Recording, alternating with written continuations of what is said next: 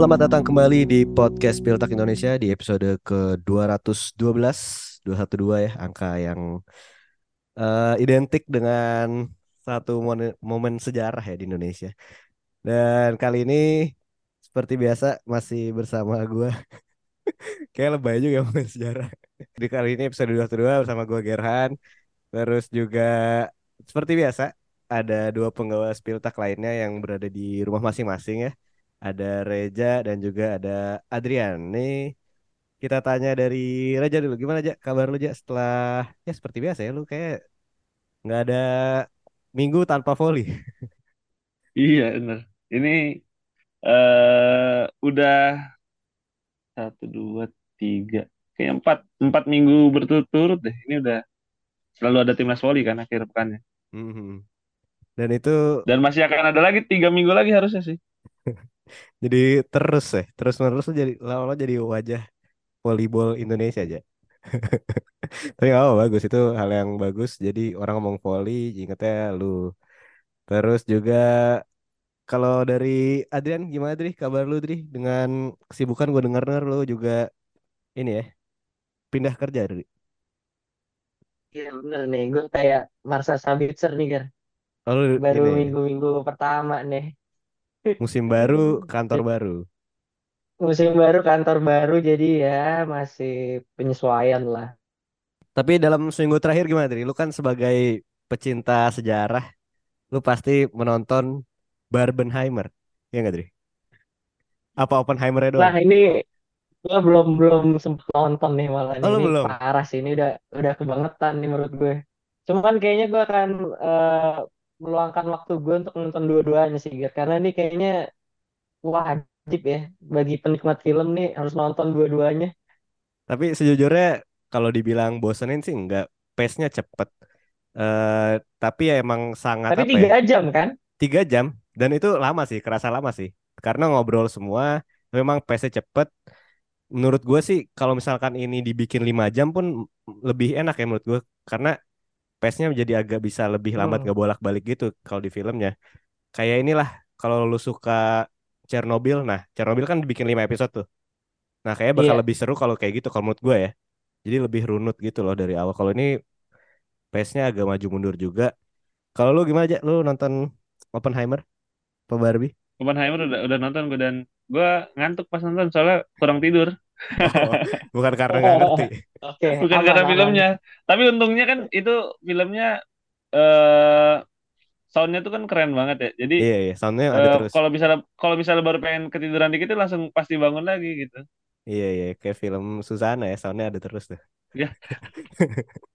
Tapi iya sih emang memang uh, di sisi sejarah kita juga harus punya basic ya sih menurut gue lu harus tahu at least timeline perang dunia kedua lah gitu kalau mau nonton itu. Ya sampai lo nggak tahu gitu. Ya tapi Terus, itu kan basic knowledge ya maksudnya ya, basic knowledge. tapi kalau lu nggak lu nggak kenal si Oppenheimernya pun sebenarnya iya. bisa menikmati sih. Kalau lu nggak kenal ilmuwan-ilmuannya lu juga masih bisa menikmati sih. Dan kalau dari sepak bola sebenarnya seminggu terakhir ini transfer kayaknya nggak terlalu banyak ya. Kita sudah dua minggu nggak rekaman uh, transfer-transfer yang menggemparkan pun belum terjadi. Seperti Harry Kane masih gitu-gitu aja. Cuman ada berita Mbappe yang kabar ditawarkan gaji 700 juta euro setahun. Itu memecahkan rekor kayak dari Arab ya. Terus juga ada Women World Cup aja lo ngikutin gak aja Women World Cup? Women World Cup sih cuman sedikit sih gua ngikutinnya nggak kita nggak semua pertandingan. Karena kalau grup kan itu masih banyak yang nggak seru kan. Apalagi kan kayak Jerman kemarin pun menangnya 6-0 gitu. Jadi masih jomplang. Tapi yang menjadi perhatian sih sebenarnya tadi pagi Filipina bisa menang 1-0 lawan Selandia Baru. Padahal Selandia Baru tuh pas di match pembuka ngalahin Norwegia yang ada si ada Hegerberg sama Carolina. Oh masih main tuh ada Hegerberg yang pernah menang Ballon iya, d'Or tapi Woman nih. Ini apa? Uh, ada intrik di dalam tim tuh kayaknya. Soal tadi dua bintangnya Norwegia nggak main di tadi pas lawan Swiss juga. Hmm, jadi cuman jadi ya bisa dibilang timnya nggak terlalu bukan nggak terlalu kuat ya, bukan tim terkuat ya lah. Kalau lu ikutin apa Dri? Dari bola Dri, Mbappe atau World Cup Woman? Gua ikutin Mbappe sih ini wah ini kacau sih kalau kalau gue jadi Mbappe sih kayaknya ini keputusannya amat gimana ya maksudnya agak sulit tapi sebenarnya gampang gitu kan. Karena opsinya cuma setahun habis itu dia bisa uh, apa namanya menggapai impiannya main di Madrid gitu kan. Jadi kayaknya win-win solution gitu. PSG juga udah nerima tawaran 300 juta euro ya uh, untuk biaya transfer. Jadi benar-benar hanya tinggal di Mbappe-nya mau aja mau apa enggak. Tapi itu uang banyak banget sih. Iya benar berarti 300 juta itu kayaknya lo udah nggak usah ngapa-ngapain lagi lo berkarir tiga tahun di sana kayak udah nggak ngapa-ngapain lagi. Tapi kabarnya kan cuma setahun ya habis itu ada rilis clause untuk gua gua kurang paham juga sih kalau nggak salah Madrid bakal ngebit di tahun depan gitu kan bilang biar Mbappe nggak gratis ya. Kayak Ken lah berarti ya. Ken juga terakhir kan ya. uh, board Tottenham tuh dia nggak mau kok sampai uh, Ken dilepas gratis. Karena sekarang Ken secara personal udah pengen cabut cuman ya masih mandek di Levinya ini kalau dari Bundesliga yang sudah resmi ini cukup lumayan lah beberapa nama besar seperti yang tadi ada Adrian bilang juga ya ada Sabitzer yang tentunya bakal menjadi salah satu bahasan kita di episode kali ini. Selain itu bakal bahas apa lagi kita? Di segmen pertama tentu kita bakal ngebahas tentang transfer yang paling hot lah di pekan ini. Ada Musa Diaby yang ke Aston Villa dan juga Victor Boniface yang ke Leverkusen, kemudian Sabitzer yang menjadi traitor pindah ke Dortmund meninggalkan tim masa kecilnya Ger. Iya iya. Ini mirip banget uh, Sandro Tonali ke Newcastle gue liat nggak ada happy happynya gitu mukanya dari Sabitzer pindah ke Dortmund ya karena pas pindah ke Bayern kan udah kayak brandingnya tuh, wah ini tim gue masa kecil, ada foto yang masih pakai baju Bayern tiba-tiba pindah ke Dortmund gitu. Terus di segmen kedua kita bakal membahas uh, eh, PSSI yang akhirnya sudah menunjuk apa direktur teknik ya, direktur teknik untuk Piala Dunia. Itu sebenarnya jabatannya pendamping pelatih timnas U17. iya, kalau kalau di Transfermarkt sih tulisannya advisor ya, advisor untuk timnas U17 yeah. uh, PSSI yang bakal main di World Cup uh, Under 17 sebagai tuan rumah. Ini juga kabarnya kontraknya cuma 4 bulan lah seperti George Matke kayaknya lagi ngetren nih kontrak-kontrak jangka pendek kayak gini. Nanti bakal kita bahas kira-kira siapa nih Wormwood itu dan juga uh, kerjanya bakal seberat apa nih. Kita cuma ngira-ngira tapi ada Reja lah di sini yang cukup memperhatikan ya uh, timnas muda dari Indonesia. Dan dari transfer dulu yang sudah resmi minggu-minggu ini yaitu adalah dua transfer yang begitu cepat ya terjadinya Boniface ke Leverkusen itu bahkan di, diresmikan dulu sebelum akhirnya Musa Diaby pindah ke Aston Villa seharga 50 juta plus 10 juta add-ons. Ini uh, rumor transfernya juga lumayan cepat, sekitar tiga hari empat hari tiba-tiba langsung negosiasinya cepat dari mulai 35 juta, 45 juta sampai akhirnya angka yang diinginkan Leverkusen 50 juta ditebus juga oleh Aston Villa. Lu sebelum kita membahas profil dari Diaby dan juga Boniface ya. Lu gimana ngelihat fenomena tim papan tengah Inggris bisa dibilang ya. Aston Villa kan bukan tim top lah kita tahu. Uh, tim papan tengah musim lalu juga bisa dibilang ya oke sejak di dilatih oleh Unai Emery tapi mempunyai kekuatan finansial yang luar biasa. Ini 50 juta untuk winger dan juga sebelumnya dia juga udah beli-beli lagi kan Pau Torres juga udah resmi terus juga ada siapa lagi Aston Villa. Um, ya itulah pokoknya.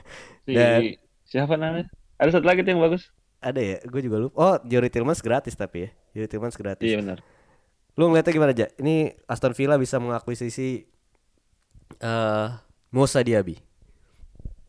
Kalau gue sih sebenarnya nggak yang gue permasalahkan bukan harganya gitu. Maksudnya kalau sebuah tim beli pemain bagus harganya sesuai ya gue sih nggak mempermasalahkan gitu kan. Karena Musa Diaby ini kan di empat musim di Leverkusen aja torehan gol masisnya tuh konsisten. Dan buat harga 55 juta euro sih menurut gue masih sangat make sense gitu. Gue juga suka suka aja gitu dengan apa yang dilakukan oleh Aston Villa dengan Newcastle gitu misalnya Sandro Tonali dengan harga dengan harga segitu yang gua nggak suka sih kalau misalnya uh, yang kayak uh, akhirnya harga transfernya tuh merusak market gitu loh, Jadi kan sering banget kan ada tim-tim hmm. yang kaya kayak di Arab lah gitu sekarang. Ini kan uh, merusak market, kemudian akhirnya bikin jadi gak fair. Tapi kalau gue lihat apa yang dilakukan sama si Aston Villa, Newcastle, so far sih sangat fair gitu mereka lakukan ya terlepas uangnya dari mana gitu. Tetapi memang pada akhirnya Premier League menunjukkan kekuatan finansial mereka. Bukan cuma Aston Villa ataupun Newcastle yang masuk ke zona Eropa ya, tapi kan kalau kita lihat gimana Fulham, terus juga termasuk Spurs ya tahun ini juga jadi salah satu tim dengan uh, jumlah pengeluaran transfer terbesar, terus tim-tim promosi. Jadi emang ya Premier League sih udah nggak diperdebatkan sih. Tinggal gimana mereka mengelola uangnya sih yang kemudian harus kita juga uh, soroti gitu. Jangan sampai kemudian uh, ada something yang tidak fair gitu karena kan uh, banyak banget uh, isu tentang kecurangan-kecurangan finansial di Premier League kan. Hmm, hmm bener-bener. Dan memang kalau dibandingkan dengan Bundesliga ini bagaikan langit dan bumi gitu ya, karena masih dari tim yang sama Leverkusen bahkan kabarnya Nadim Amiri cuma dipatok 5 juta dan mau dibeli Werder Bremen ini kan Nadim Amiri juga bisa dibilang ya ex timnas Jerman juga salah satu pemain yang kalau nggak salah U21 tuh masuk final atau juara juga ya dulu pas Euro. Cuman ya memang ada ketimpangan yang sangat jauh daya beli dari tim-tim ini dan juga Aston Villa tidak bisa dipungkiri memang bermain bagus juga masuk ke UEFA Conference League. Tapi juga Leverkusen kan masih main di Eropa juga ya musim depan kalau nggak salah. Kalau lu ngeliatnya pakai ini sebuah downgrade Dri bagi Musa Diaby?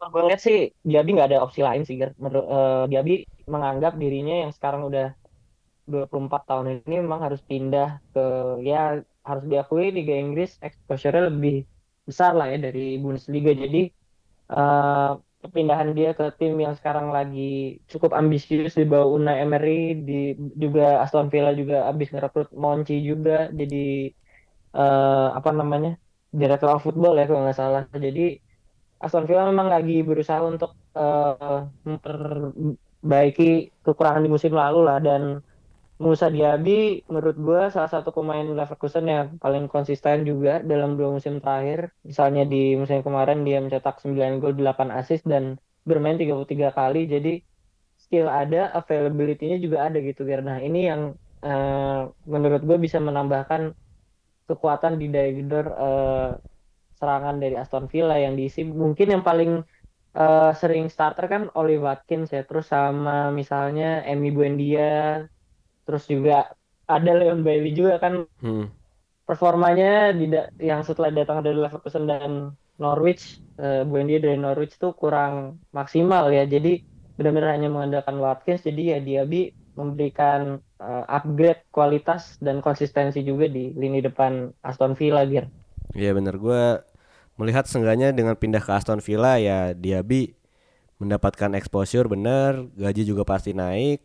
Dan ini mungkin jadi step yang mungkin bisa membawa dia ke level yang lebih tinggi lagi gitu. Misalkan bisa bagus di Aston Villa mungkin akan diincar tim-tim seperti Arsenal juga atau Manchester City. Kan kita uh, bisa melihat ke situ lah nanti ke depannya dan ya secara kualitas gue memang setuju kalau Diaby one of the best lah di Bundesliga musim lalu uh, di posisi winger gitu ya dan bagi Leverkusen sendiri menurut lu apakah ini uh, kehilangan yang besar ya?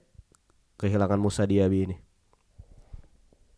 Uh, kalau kehilangan yang besar sih ya cukup besar lah karena Diaby kan kalau kita tahu emang menggendong tim ini dalam beberapa tahun terakhir ya khususnya di uh, dua tahun terakhir gitu gimana memang serangan-serangan dari Leverkusen fokusnya ada di sektor kanan di mana di sana ada Frimpong dan juga Diaby. Jadi ya ini bakal kerasa banget tentunya buat Leverkusen tapi kalau kita ngelihat mereka punya pelatih kayak Xabi Alonso sih harusnya memang sudah dipersiapkan strategi-strategi lainnya. Karena kan Leverkusen juga udah ngerekrut Jonas Hoffman yang sebenarnya posisinya sama jadi emang udah sepertinya ancang-ancang udah dari jauh-jauh hari.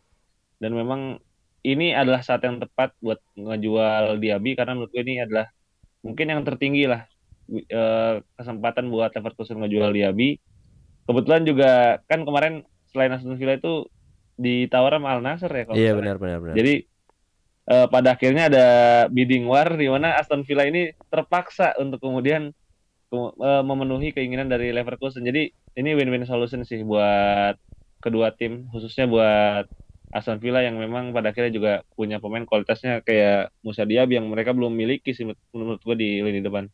Iya, yeah, gue gue satu salah satu lebih senangnya dia ke Aston Villa ya daripada ke Al Nassr mending ke Aston Villa sih.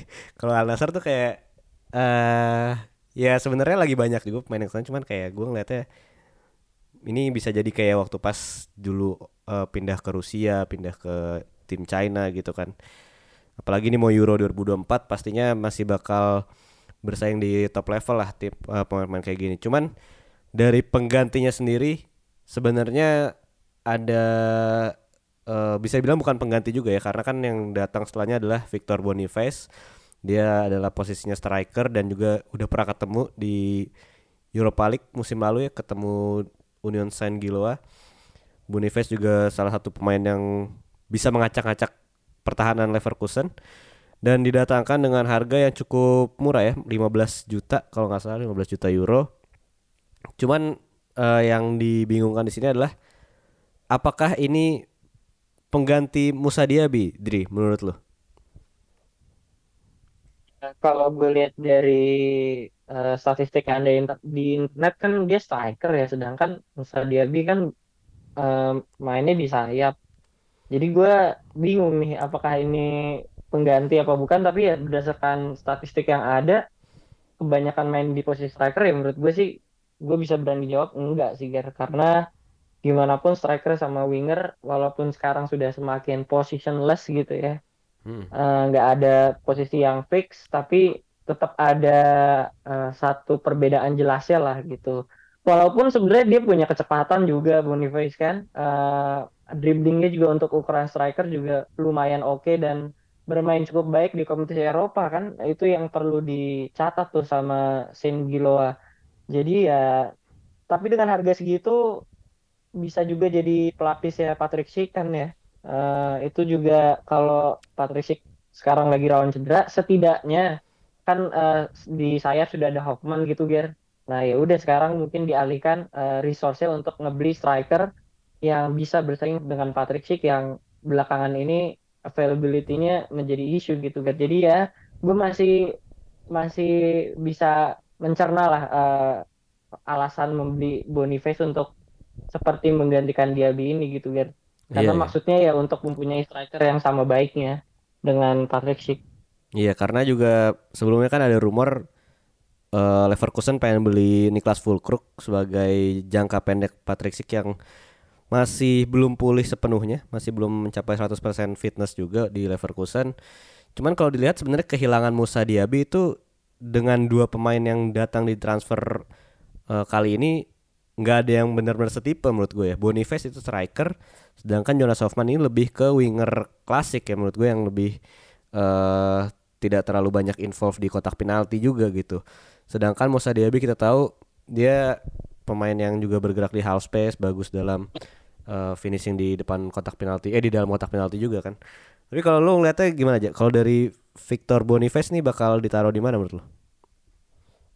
Kalau menurut gue sih di striker, tapi kalau gue liatnya emang Sabi ini bakal ganti formasi sih. Jadi kalau musim lalu kan masih kadang 5 back, kadang 4 back, tapi kalau musim depan ngelihat dari perekrutannya sih kemungkinan besar ini bakal main dengan uh, 3-5-2 atau 3-4-3 gitu. Kalau 3 4-3 mungkin nanti Boniface kan bisa main bareng sama Florian Wirtz, bareng Amin Adli di depan, dengan Adam Lozek juga masih bisa. Kalau 3-5-2 kan dengan situasi sekarang ya, rasanya memasang Boniface dengan Adam Lozek jadi pilihan yang juga bakal cukup tepat gitu buat Leverkusen. Hoffman bisa main di wingback kanan, jadi memang bakal tergantung kebutuhan. Tapi gue sih emang ini nanti striker nggak mungkin sendiri di depan, nggak mungkin kayak tahun lalu di mana di posisi striker kadang mainin false nine dengan Diaby atau Amin Adli, tapi musim depan sih menurut gue Lozek sama Boniface yang bakal diutamakan sama Sabi Alonso. Karena Adam Lozek pun kita udah ngeliat potensinya sebenarnya tahun lalu cuma memang belum konsisten aja. Dan memang perekrutan Boniface, perekrutan Hoffman ini bukan secara tipe sama dengan Diaby tapi yang gue lihat yang coba digantikannya adalah jumlah golnya Diaby gitu gitu. Jadi mainnya bakal beda tapi emang Leverkusen butuh sosok yang kemudian bisa cetak gol serutin Diaby dan Boniface dan Hoffman bisa menawarkan itu. Iya, ya, gue setuju sih karena ya dua pemain yang berbeda tapi kita tahu Sabi Alonso masih punya banyak amunisi juga di depan. Patrick Schick belum beraksi cukup banyak ya di bawah Sabi Alonso musim lalu. Dan kita lanjut ke transfer berikutnya. Ada salah satu transfer yang cukup uh, menggemparkan juga ya dan nggak diduga-duga. Ini juga rumornya begitu cepat sekitar 3-4 hari tiba-tiba udah resmi aja yaitu adalah Marcel Sabitzer yang akhirnya justru berlabuh ke Borussia Dortmund setelah musim lalu dipinjamkan ke MU tapi MU nggak bisa bukan nggak bisa mungkin nggak mau ya mempermanenkan Marcel Sabitzer dan harganya juga sebenarnya ini nggak rugi juga ya Bayern 19 juta euro kalau nggak salah tuh belinya 18 juta euro musim terakhir uh, musim lalu ya eh dua musim lalu musim lalu ya dua musim lalu berarti uh, ini kayak langsung aja ke lu Dri. Lu ngeliatnya gimana Dri pembelian ini? Apakah ini bargain untuk Dortmund atau lu sebenarnya against decision ini mengingat ya Sabitzer banyak cedera juga musim lalu dan kita tahu dua musim terakhir bukan musim terbaiknya Sabitzer.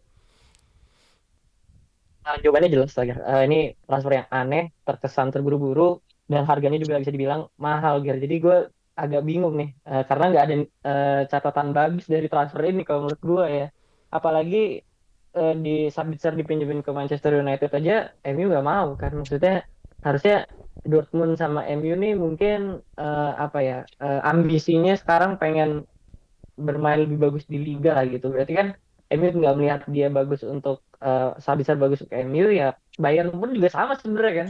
Sabitzer tidak dinilai bagus untuk bermain di Bayern. Nah kenapa justru Dortmund yang ngambil pemain yang dianggap kurang bagus oleh dua tim ini gitu loh. Dan uh, menurut gue masa masa kejayaannya udah hilang ya gara-gara uh, Nagelsmann udah dipecat bayar musim kemarin. Jadi uh, di sama Erik Ten Hag juga sering lumayan sering uh, dikasih kesempatan bermain. Cuman ya itu kan impactnya mungkin tidak begitu uh, berasa. Sehingga lama kelamaan kesempatan bermain ini makin lama makin tipis gitu dan ya gue rasa Dortmund agak kebingungan cari pemain senior yang punya jam terbang di Bundesliga sehingga di, di lini tengah ya. Jadi ya mau nggak mau setelah mendatangkan Felix Mecha yang bisa dibilang masih baru gitu ya di Bundesliga uh, Dortmund lebih pengen punya uh, experience sekarang di lini tengah ya itu ya udah akhirnya mendatang lebih memilih mendatangkan Sabitzer daripada nama-nama kayak ya itu ya Edson Alvarez yang padahal menurut gue lebih bisa menutupi kekurangan Dortmund baik di lini tengah maupun bisa jadi ban serep di lini belakang kalau menurut gue gitu kan. Jadi ya ini transfer yang menurut gue buruk sih tapi ya semoga uh, lu pasti lu berharap salah ya. Jadi semoga Sabitzer bisa kembali ke level terbaiknya. Karena kita tahu sendiri bagaimana di musim terakhirnya bersama Nagelsmann, Sabitzer salah satu midfielder terbaik juga di Bundesliga. Dan ya memang yang diinginkan Dortmund ya gue setuju sama lo ini pemain yang Bundesliga proven. Musim lalu juga di MU ketika main sebenarnya nggak jelek-jelek amat ya, cuman memang ada perbedaan role lah yang kita tahu ketika di MU dan di RB Leipzig bersama Nagelsmann gitu. Kalau menurut lu sendiri apakah ini perjudian yang besar ya bagi Dortmund ya mendatangkan Sabitzer? Kalau menurut gua nggak besar-besar amat ya, harganya murah. Kita udah bakal tahu nih Sabitzer bakal main seperti apa. Justru menurut gue nih ya langkah yang yang nggak brilian sih, cuman langkah yang realistis lah dari Dortmund gitu karena ya, seperti yang kita tahu ada kebutuhan buat mereka menuhin stok gelandang setelah ditinggal Mahmud Daud dan juga Jude Bellingham. Artinya banyak slot yang kosong di tengah mereka. Guerrero kan juga hitungannya sering digelandang yeah. ya tahun lalu jadi memang tiga tiga gelandang lah hilang artinya harus bisa mendatangkan gelandang yang dengan harga tidak mahal tapi sudah punya experience dan itu ada di Marcel Sabitzer jadi gue rasa ini langkah yang realistis dari Dortmund gue juga masih ngeret Sabitzer sih sebenarnya jadi salah satu gelandang yang cukup baik karena walaupun di Bayern dan juga di Unitednya nggak terlalu bersinar ya tapi di timnas Austria kan dia, juga masih main secara rutin gitu dan masih menunjukkan kelasnya. Jadi ini gua rasa Sabitzer bakal bisa resurgence di Dortmund. Terus juga memang Dortmund tampaknya sudah punya plan di lini tengah mereka musim depan memperpanjang Emre Can, terus Mecha dan juga si Sabitzer datang artinya Edson Alvarez sepertinya memang tidak akan datang. Jadi mungkin yang harus dan dan ini ya dan Saum Mahila nggak jadi juga ke Burnley itu. Iya nggak jadi. memang Burnley-nya nggak nyanggupin. Sepertinya memang ini iya sepertinya ini sudah apa ya udah nggak bakal banyak perubahan sih dari Dortmund di musim depan. Jadi ya kayaknya sih emang ke depannya mungkin kalau ngedatangin lagi bakal lebih banyak yang udah proven yang udah lumayan tua karena sepertinya memang Dortmund sangat berambisi buat jadi juara sih musim depan. Iya, ini karena kalau kita lihat dari statistik uh, Dortmund ini sebagai tim yang paling banyak memiliki pemain yang datang dari klub Bundesliga lain ya. Saat ini Sabitzer menjadi pemain ke-14 di skuadnya kali ini yang datang dari klub Bundesliga lain sedangkan di posisi kedua disusul oleh Bayern yang 9 pemain. Jadi ini bisa dibilang Dortmund juga transfernya cari aman walaupun ya tidak seperti Bayern kalau karena kita tahu Bayern mendatangkan pemain Bundesliga-nya yang top class lah gitu. Ini kan Sabitzer bisa dibilang udah agak redup, udah dipinjemin ke MU, di Bayern juga jarang main. Tapi ya ini salah satu yang memang uh, taktik yang bisa dipadukan lagi lah. Kayak beberapa musim terakhir kan memang Dort Dortmund itu adalah memadukan pemain-pemain muda dengan pemain-pemain yang udah cukup uh, proven gitu seperti yang musim ini dilakukan juga. Jadi ya kita bakal melihat bagaimana ke depannya Borussia Dortmund di musim ini apakah masih bakal ada pergerakan lagi di gelandang. Karena sih kalau gue jujur gue nggak puas ya dengan gelandang Dortmund mengandalkan Emre Can dan Salih Özcan ya Dri di posisi 6 ya makanya aduh agak maksudnya agak disayangkan aja sih ketika punya duit Jude Bellingham maksudnya gitu loh iya emang ini jadi uh, iya gue nggak ngerti sih karena Jude Bellingham banyak banget itu uang ya. Bahkan kayak si RB Leipzig aja kan udah ngejual Soboslai gitu-gitu belinya mantep-mantep gitu. Sedangkan Dortmund ini ngejual Bellingham belinya ya gitu-gitu aja bisa dibilang. Dan ya bakal kita tunggu bagaimana musim ke depan dan juga bursa transfer masih ada beberapa hari lagi sampai Bundesliga bergulir. Dan setelah ini di segmen kedua kita bakal membahas uh, dari dalam negeri ya ada direktur teknik atau advisor baru di timnas yang datang dari Jerman kita bakal bahas lebih banyak di segmen kedua.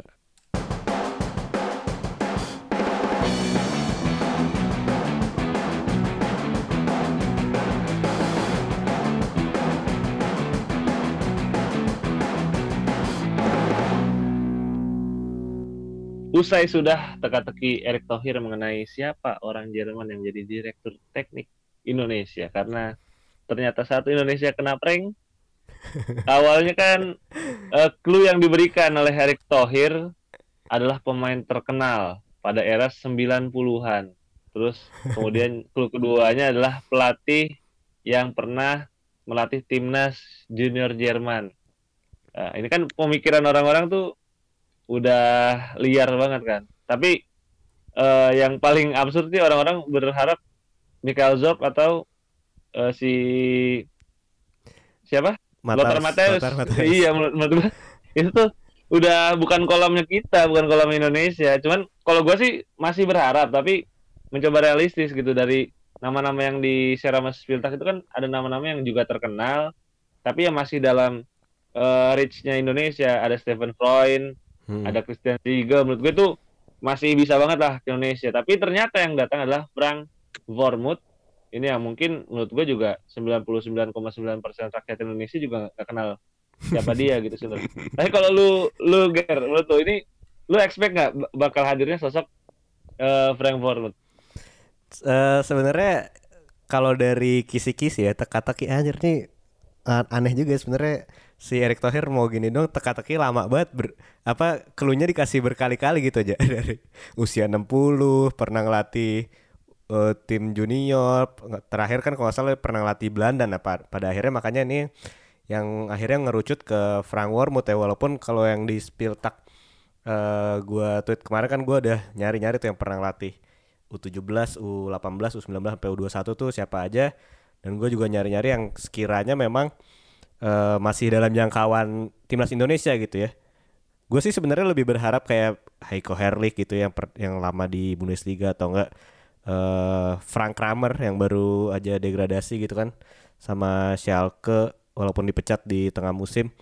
Tapi ya Frank Wormuth uh, pelatih yang memang uh, cukup lama berkecimpungnya di dunia sepak bola Jerman, pernah jadi chief scoutnya juga kalau nggak salah di DFB Terus juga yang salah satu yang paling lama di DFB-nya itu dia ngelatih Germany Under 20 ya kan? 6 tahun kalau nggak salah. Setelah itu baru dia di Liga Belanda tuh Heracles cukup bagus di Heracles dia cukup menstabilkan timnya.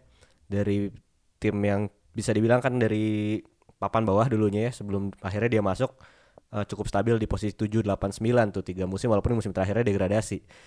Terus tadi pertanyaan apa aja? Gue lupa. ya lu expect gak ini orangnya bakal seperti dia gitu yang datang? Kalau gue sih ekspektasi gue ya nggak besar-besar banget karena yang tersedia juga kan nggak nggak ada yang wah-wah banget juga gitu. Kalau kita ng ngelihat Jogi Love nggak mungkin. Sebenarnya sih gue lebih expectnya seperti Alexander Nouri ya. Itu kan juga DFB walau dan masih muda juga pernah menjabat director uh, di Liga Yunani gitu. Jadi masih sangat reachable gitu dengan PSSI. Berarti dia mau keluar dari Jerman juga. Tapi ya Frank Wormuth punya pengalaman juga. Jadi ya yang bisa diharapkan ya di situnya sih. Karena ini kan juga under 17 dan ya Frank Wormuth udah berkecimpung di dunia timnas junior juga sebelumnya gitu aja. Ya dan yang menarik tuh bukan cuman sosoknya ya, tapi jabatannya nih. Jadi jabatannya adalah uh, dia menjadi advisor buat Bima Sakti mengumpulkan talenta-talenta terbaik di timnas U17 dan dikontrak 4 bulan. Nah, ini menarik nih Dri karena seperti yang kita tahu Jerman ini kan salah satu negara dengan kultur yang sangat percaya dengan progres gitu. Tapi akhirnya Indonesia merekrut Wormuth dalam situasi ini orang nggak pernah ke Indonesia, dia nggak tahu siapa pemain di Indonesia, tapi kontraknya cuma empat bulan. Nah, kalau lu lihat Ri, ini apakah emang PSSI pengen coba-coba aja atau emang gak ada pilihan lain gitu sebenarnya? Gimana ya dari pernyataan lu aja sebenarnya udah membingungkan gue nih alur berpikir ya. Cuman setelah tadi gue searching-searching uh, ternyata ada yang berteori bahwa timnas U17 ini pengen semacam training camp di Jerman gitu ya. Nah, ini analisanya dari yang gue baca sekarang nih katanya Frank Wormuth diharapkan bisa memberikan uh, persiapan Indonesia apa timnas U17 ke Jerman secara lebih maksimal. Gue nggak tahu maksudnya apa ya. Mungkin dapat uh, fasilitas yang lebih bagus ya itu mungkin ya karena maksudnya dia di DFB kan lama maksudnya pasti tahu lah orang-orang yang sekarang ngurusin bagian-bagian kayak gitunya itu mungkin. Terus juga uh, katanya kan untuk menemani ya dalam tanda kutip uh, Bima Sakti katanya juga sebagai advisor. Ya oke okay juga cuman setelah gue lihat lebih dalam lagi statistik poin per gamenya di FC Groningen satu poin. Di Heracles selama empat tahun hampir empat tahun ya 1,27 poin. Jadi uh, gimana ya? Kalau dibilang bagus mungkin uh, masih lebih bagus kayak Heiko Herrlich itu udah pasti lebih bagus dari dia gitu kan. Bahkan macam Thomas Doll menurut gue masih punya blueprint bagaimana bermain sepak bola modern lah yang setidaknya uh, terpapar ke masyarakat luas gitu ya. Kalau Frank Warwood gini kan agak bingung juga kita menilainya gitu tapi setidaknya reasoning dari uh, PSSI adalah yang tadi gue uh, bacakan lah setidaknya itu sih. Jadi ya apakah salah atau benar ya masih belum tahu. Cuman kontrak jangka pendek ini katanya kan akan ditinjau juga bisa aja kalau sukses untuk uh, diperpanjang lagi. Jadi ya we will see lah. Cuman kalau gue pribadi sih kayaknya agak ragu karena catatan poinnya agak kecil lah di Belanda aja. Ya kalau gue sih ngeliatnya si Frank ini kan uh, dia lebih lama jadi instruktur di uh, kepelatihan DFB dia pun sebenarnya ya. melatih timnas Jerman itu kan under 20 di mana under, under 20 itu kan cuman timnas masa transisi ya. Jadi yeah.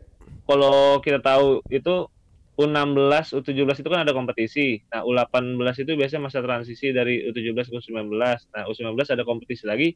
Nah, U20 ini biasanya cuma masa transisi antara pemain junior ke pemain uh, semi senior gitu ibarat dari transisi turnamen U19 ke turnamen U21 di mana biar satu tahun tuh pemain-pemain timnas junior nggak kemudian cuma main di level klub tapi nanti biasanya bikin kalau di Eropa ada under 20 elite league atau biasanya main di Algarve Cup yang gitu-gitu sih. Jadi timnasnya pun yang dia pegang tuh sebenarnya bukan timnas yang ya pemainnya bagus, cuman bukan timnas yang utamanya lah di juniornya Jerman dan kalau kita bilang advisor nih Ger ya.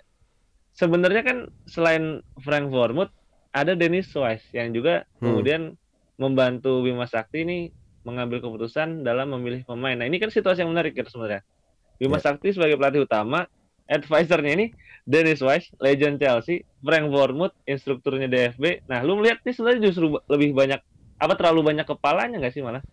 Iya sih bener dan kalau kita lihat justru malah pada akhirnya gue lihat porsi dari kinerjanya bakal besar di Dennis Wise ya karena kita tahu Dennis Wise kan juga udah udah lama tuh ikut project uh, Garuda Select. Jadi dia udah tau lah karakter-karakter pemain muda gimana pemain muda Indonesia. Dia juga kalau nggak salah ikut spotting uh, talenta bertahun-tahun ya di pelosok-pelosok Indonesia. Waktu pas bersama Mola itu kan dia ikut juga tuh. Jadi uh, Dennis Wise menurut gue bakal lebih apa ya secara teknikal secara um, secara instruktur dengan Bima Sakti juga pasti lebih banyak uh, taunya gitu dibandingkan sama Frank Wormuth. Cuman gue melihatnya mungkin ya Frank Wormuth ini karena kan ini uh, eh, PSSI saat ini sedang kerjasama dengan DFB dan gue ngeliatnya yang ya bener kata Adrian mungkin ya ini lebih biar secara apa ya biro biro biro apa sih?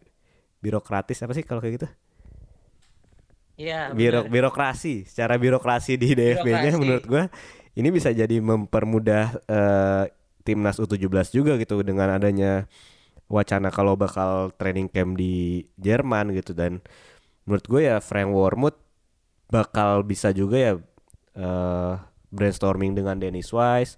Karena ya kita tahu Frank Wormuth juga kan di Jerman Under 20 cukup lama itu memang tapi secara prestasi nggak bagus-bagus amat sih ja. si Frank Wormuth ini di U20 juga nggak pernah mencapai hal yang luar biasa. Paling bagus kalau nggak salah dia quarter final doang di Euro ya kalau nggak salah. Habis itu ya bersama talenta-talenta juga bukan talenta yang bagus juga sih karena kita tahu kan setelah 2009 tuh agak menurun. Habis itu baru naik lagi di U21 ya pas Stefan Kunz itu kan jadi kalau menurut gue sih Frank Wormuth bakal bisa ya memberikan uh, itu tadi kemudahan-kemudahan yang memang ketika di DFB ketika di Jermannya bisa mempermudah timnas Indonesia itu ya sebenarnya Frank ini mirip Emerald Abus sih kalau gue lihatnya di, di Indonesia. Dia uh, instruktur yang hebat, ya tapi kan kalau kita bicara melatih ya belum tentu gitu yeah. kan. Dan ini terjadi di Groningen kan. Dan memang untuk usia muda sih menurut gue cocok-cocok aja. Frank Bournemouth ya balik lagi kan uh, kapasitasnya sebagai instruktur di DFB artinya sudah tidak diragukan lagi secara uh, kemampuannya dalam di grassroots gitu jadi memang kita akan tunggu juga bagaimana nanti Frank bisa kemudian memilih pemain karena ini yang sebenarnya tricky ya Dri. Ini kan U17 kita tuh sebenarnya tidak setalented U20 untuk sekarang. U17 kita walaupun juara di Piala AFF U16 tapi mereka tidak lolos ke Piala Asia U17.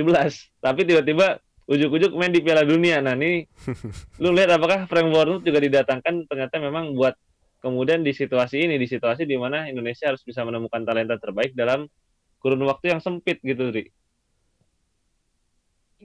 Ini mungkin shortcut sih Jak menurut gue uh, karena pengalamannya di U20 dan menjadi bagian dari DFB cukup lama ya memang ini cara cepat lah gitu. Karena memang semuanya serba dadakan kan? Kita kan memang sukanya yang dadakan gitu semua kan? Stadion baru dicek gitu apa segala macam karena ngedadak ya memang opsinya hanya bisa jalan pintas ya gitu. Apakah hasilnya akan maksimal? Menurut gua enggak lah.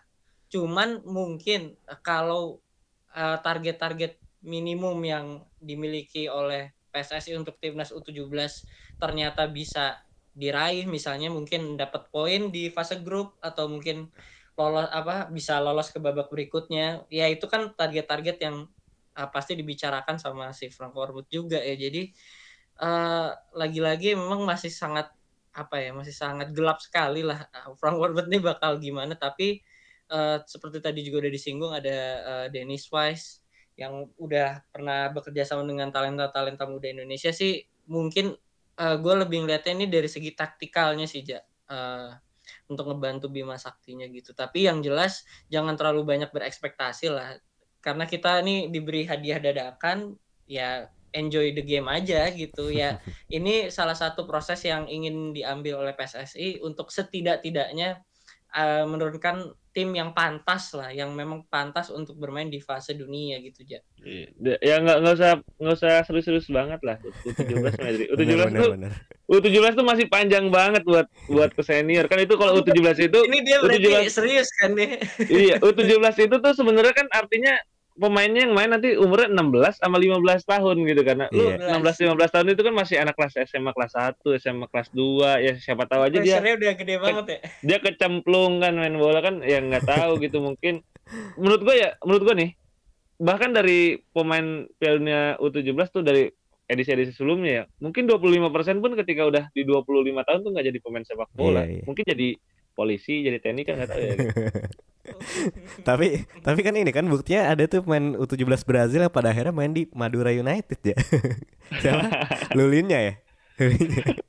jadi, iya jadi menurut gue ya U17 oh, siapa tahu nanti pemain U17 Indonesia main di Liga Brazil maksudnya gitu kali ya. Iya. Maksudnya gue setuju sama lo sih Emang jalannya masih panjang banget Dan ini Frank Wormuth kalau dikasih 4 bulan juga Sangat apa ya Sangat sulit lah Rintangannya sangat besar Karena kita tahu Dari secara pengelolaan liga mudanya juga kan di Jerman ya gampang ya dia scouting talent ya ada liganya dari U9, U12, U13 sampai selanjutnya. Ini kan kalau nggak salah PSSI sendiri di Twitternya ngeposting seleksi U17 gitu. Dengan kriteria-kriterianya yang lucu Testing banget gitu. Iya, minimal tingginya 170 lah. Kan lu umur 15 tahun tuh 16 tahun tingginya 100 60 aja untuk pemain Asia udah oke okay sih menurut gue ini 170 tuh unnecessary banget sih. Jadi emang apa ya ke framework itu sendiri menurut gue bakal kesulitan juga sih kebingungan juga bagaimana caranya membangun tim 4 bulan tanpa adanya kompetisi sebelumnya gitu kan. Makanya menurut gue Dennis Wise lebih lebih bakal bi bi biasa gitu. Hal-hal kayak gini dia udah pernah nanganin walaupun ya pada akhirnya diikutin kompetisi juga tapi ya ya lebih gampang uh, lebih mudah dari sisi Dennis Wise sih. Ya semoga sih kalau kita berharapnya ya berhasil ya Frank Iya, Terus kan Thomas Doll juga musim pertamanya nggak buruk di Indonesia. Persib kata Kang Ardi Nursufi itu juga ada satu pelatih Jerman yang oh, menjadi iya. kandidat. Ya kita harapannya sih makin banyak uh, ini sih pemain atau pelatih Jerman yang datang ke Indonesia. Iya, setuju gue. Gue setuju sih karena ya memang ya DFB one of the best lah di Eropa juga ya walaupun timnasnya lagi agak carut marut juga belakangan ini. Dan ya kita memang berharap ya U17 World Cup ya Indonesia main tanpa beban aja sih menurut gua. Sebagai tuan rumah yang baik aja udah cukup ya, ya. Bener, nggak ada keributan udah gak penting. ada keributan udah penting gitu. Ya paling gitu aja di episode kali ini. Dan kita juga masih menunggu nih kayak Frank Warut belum datang juga aja ke Indonesia. Iya. Belum ada belum, welcome. Belum belum ada ini ya foto-fotonya juga belum. Belum ada fans Groningen yang menyambut di bandara gitu. uh, ada tambahan lagi gak sebelum kita tutup? Ya paling saksikan terus saja Piala Dunia wanita karena timnas wanita Jerman jauh lebih baik dibandingkan timnas wanita put eh timnas wanita timnas putra Jerman. Tapi baru lawan Maroko kan baru satu. Tapi ya dia kan di Euro tahun lalu juga jadi runner up kalah sama Oh iya benar-benar. Ya FIFA World Cup for Women gue juga pengen nonton cuman nggak sempat sempat karena mainnya aneh banget jam 2 siang ya. ya kan di Selandia baru sama Australia. Oh, gitu. Iya benar-benar. Terus kalau dari bursa transfer nih kayaknya bentar lagi bakal ada transfer-transfer krusial karena kita tahu tanggal 13 ya kalau nggak salah Bundesliga udah main lagi. Eh apa 18 ya? Duluan Premier League 18 jadi kita sudah semakin dekat ke new season mungkin di episode episode selanjutnya kita bakal lebih bahas uh, eh, season season baru eh uh, yang menyangkut season baru juga ya. Ada lagi nggak Dri sebelum kita tutup Dri? Uh, nambahin aja DFB Pokal mulai dari 11 Agustus. Nah, yang tanggal 13 itu DFL Super Oh, DFL Super Cup, Cup ya. Iya, iya. Oke, oke. Iya. Kalau gitu, gitu aja di episode kali ini. Gua Gerhan pamit. Gua Reza pamit. Gua Adrian pamit. Sampai jumpa di episode Spill Tak berikutnya. Bye.